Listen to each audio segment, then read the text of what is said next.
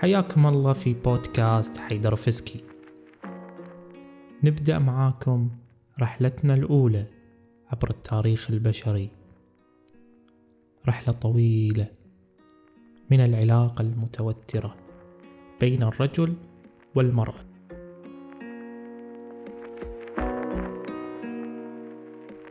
في هذه الرحلة راح نقرأ بدء نشوء مفهوم الأسرة.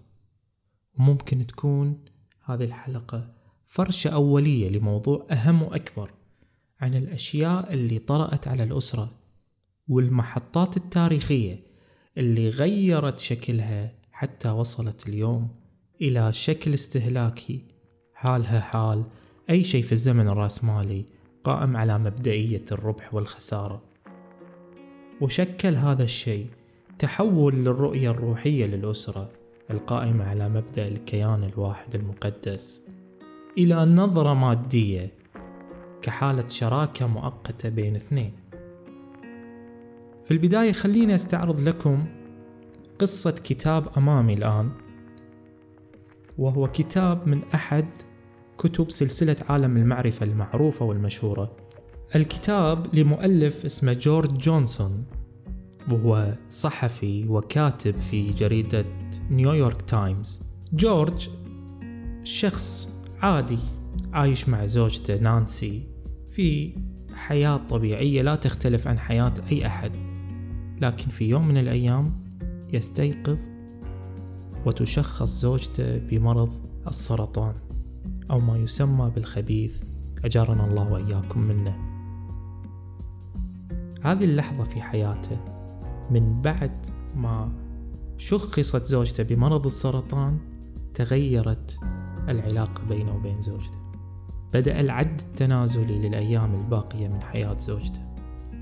هذا الرجل حاول أن يعيد التفكير في كل شيء. بدءا بما يستطيع أن يقدمه لزوجته وما يضمن المال لبقية علاجها واستمرار أطول لعمرها معه وبالفعل شاف السرطان مسألة عويصة جدا في الطب. الناس بشكل عام ما يعرفون عنه معلومات كثيرة.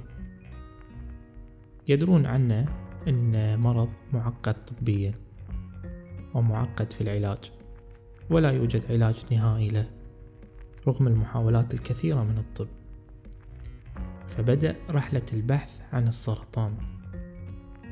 استطاع أن يلقى مصادر علمية تواصل مع دكاترة وبروفيسورية في هذا المجال قدم آه، مقابلات كتب مقالات في هذا المجال ودرس موضوع السرطان منذ نشوءه وبداية تشخيصه وتطور طريقة تشخيصه إلى طرق علاجه ومحاولات العلاج وأيضا المفاهيم الأخرى المختلف عليها علميا. إلى آخره فكتب مقالات علمية في السرطان وكان يتقوى بهذه المقالات على علاج زوجته. جمع هذه المقالات في كتاب باسم يوميات السرطان حل أعمق أسرار الطب.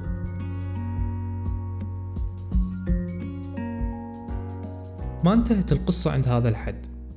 تفاجأ بطلبها للطلاق بعد كل اللي صار.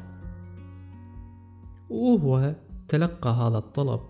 بكونه إرادتها ولها أسبابها وتبريراتها وكان سببها وتبريرها لهذا الموضوع.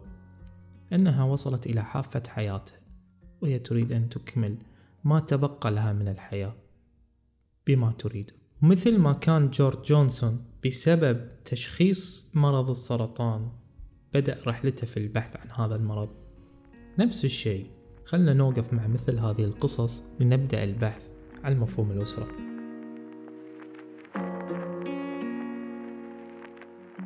خلوني أرجع من البداية. خلنا نتكلم بخط زمني في التاريخ البشري وندخل في الدراسات الانثروبولوجية المعنية بعلم الإنسان في كشفه عن العصور القديمة عبر المستحاثات والآثار.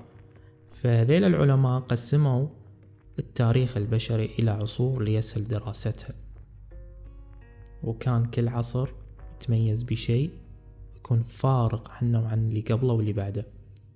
بداية في العصر الحجري السحيق واللي يمتد من خمسمية ألف سنة إلى ما قبله.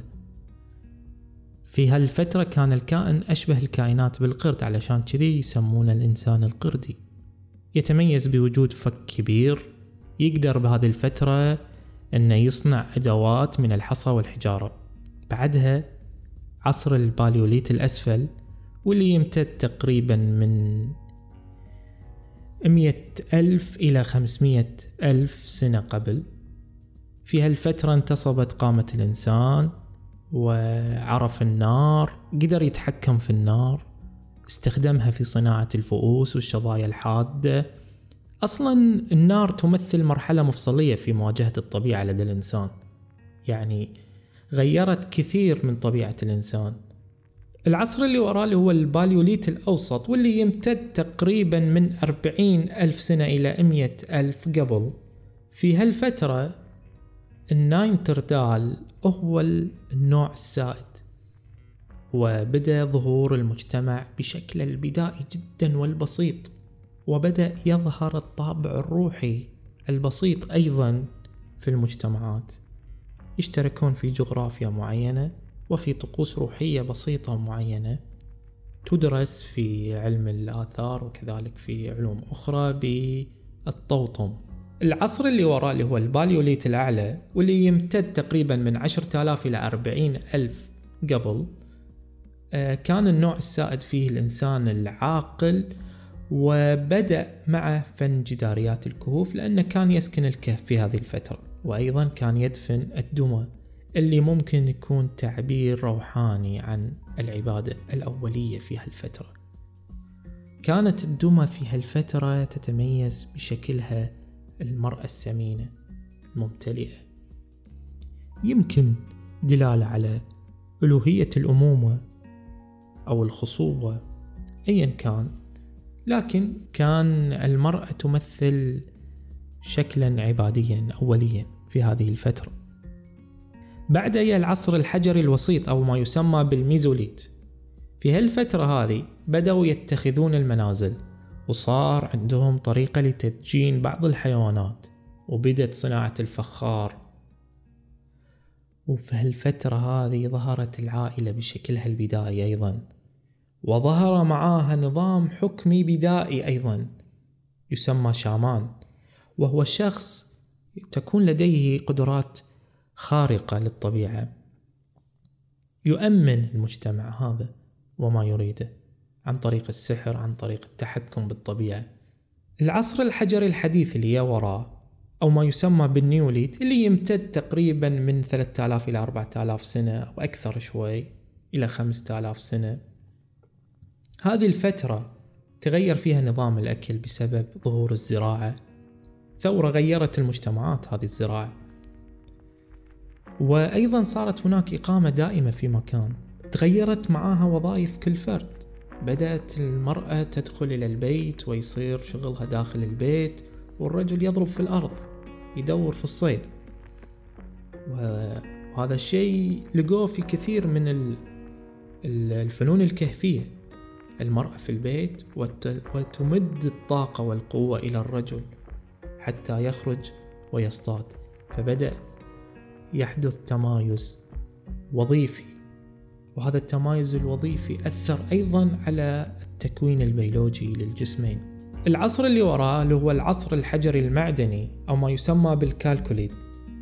فترة امتدت من 3000 سنة قبل تقريبا يعني ظهرت المدن ظهر المعبد والملاجئ الخاصة للعبادة وظهرت الفنون بكل أشكالها والنقوش على الفخار. تحول الشامان في هالفترة إلى الرجل لأسباب كثيرة طبعا. كل هذه العصور تعتبر عصور سحيقة ما قبل الكتابة. عصور الكتابة نستطيع أن ندرسها نستطيع أن نقترب أكثر إلى هذه المجتمعات ونفهم طبيعة العلاقة هذه بين الرجل والمرأة. نقدر نقول أن أبعد نقطة نستطيع أن نقرأها بشكل واضح هي نقطة بلاد الرافدين وحضاراتها ليش؟ لأن كانت بلاد أقدم الكتابات. نقدر نقرأ من أساطير بلاد الرافدين وتطورها وتغيرها من حضارة إلى حضارة. طبيعة هذا التحول الاجتماعي اللي موجود. قصة قلقامش أو أسطورة قلقامش من شكلها السومري إلى شكلها البابلي والأكادي شو اللي تغير؟ شنو الأشياء اللي كانت موجودة في الصراع اللي موجود داخل القصة القوانين الموجودة لحمورابي أو غيره قبله وبعده شنو الأشياء اللي مذكورة في هذه القوانين تحفظ من حق الرجل وتحفظ من حق المرأة أو تتكلم عن واجبات الرجل وتتكلم عن واجبات المرأة إلى آخره ونلقى في دراسة هذه الأشياء وهو بحث طويل جدا وأيضا مهم. نلقى مركزية إلى مفهوم الأسرة في كونها النقطة الأولى للخلود الإنساني في هذه الأرض. يخلد الإنسان بوجود أسرته وأولاده. بعد انتهائي من استعراض هذا الخط الزمني في العصور السحيقة إلى فترة حضارة بلاد الرافدين أستطيع أن أنتقل إلى فترة ظهور الأديان التوحيدية. وبداية أخذ الشرائع شكلها العميق في تمثيل هذا الصراع. في البداية خلنا نقول من نبي الله يعقوب عليه السلام وبداية ظهور بني إسرائيل. ومن الاسم بني إسرائيل سلطة أبوية تامة واستمرت هذه السلطة الأبوية إلى زمن موسى عليه السلام. حتى صار التهميش إلى المرأة إلى درجة أنها أصبحت مدنسة. لا تستطيع أن تدخل إلى المحراب ولا تستطيع أن تعبد الله داخل بيت المقدس أو تخدمه هناك. في ظهور عيسى عليه السلام كسرت هذه القاعدة ودخلت المرأة المعبد وأصبحت بعد ذلك أم المقدس والأم المقدسة.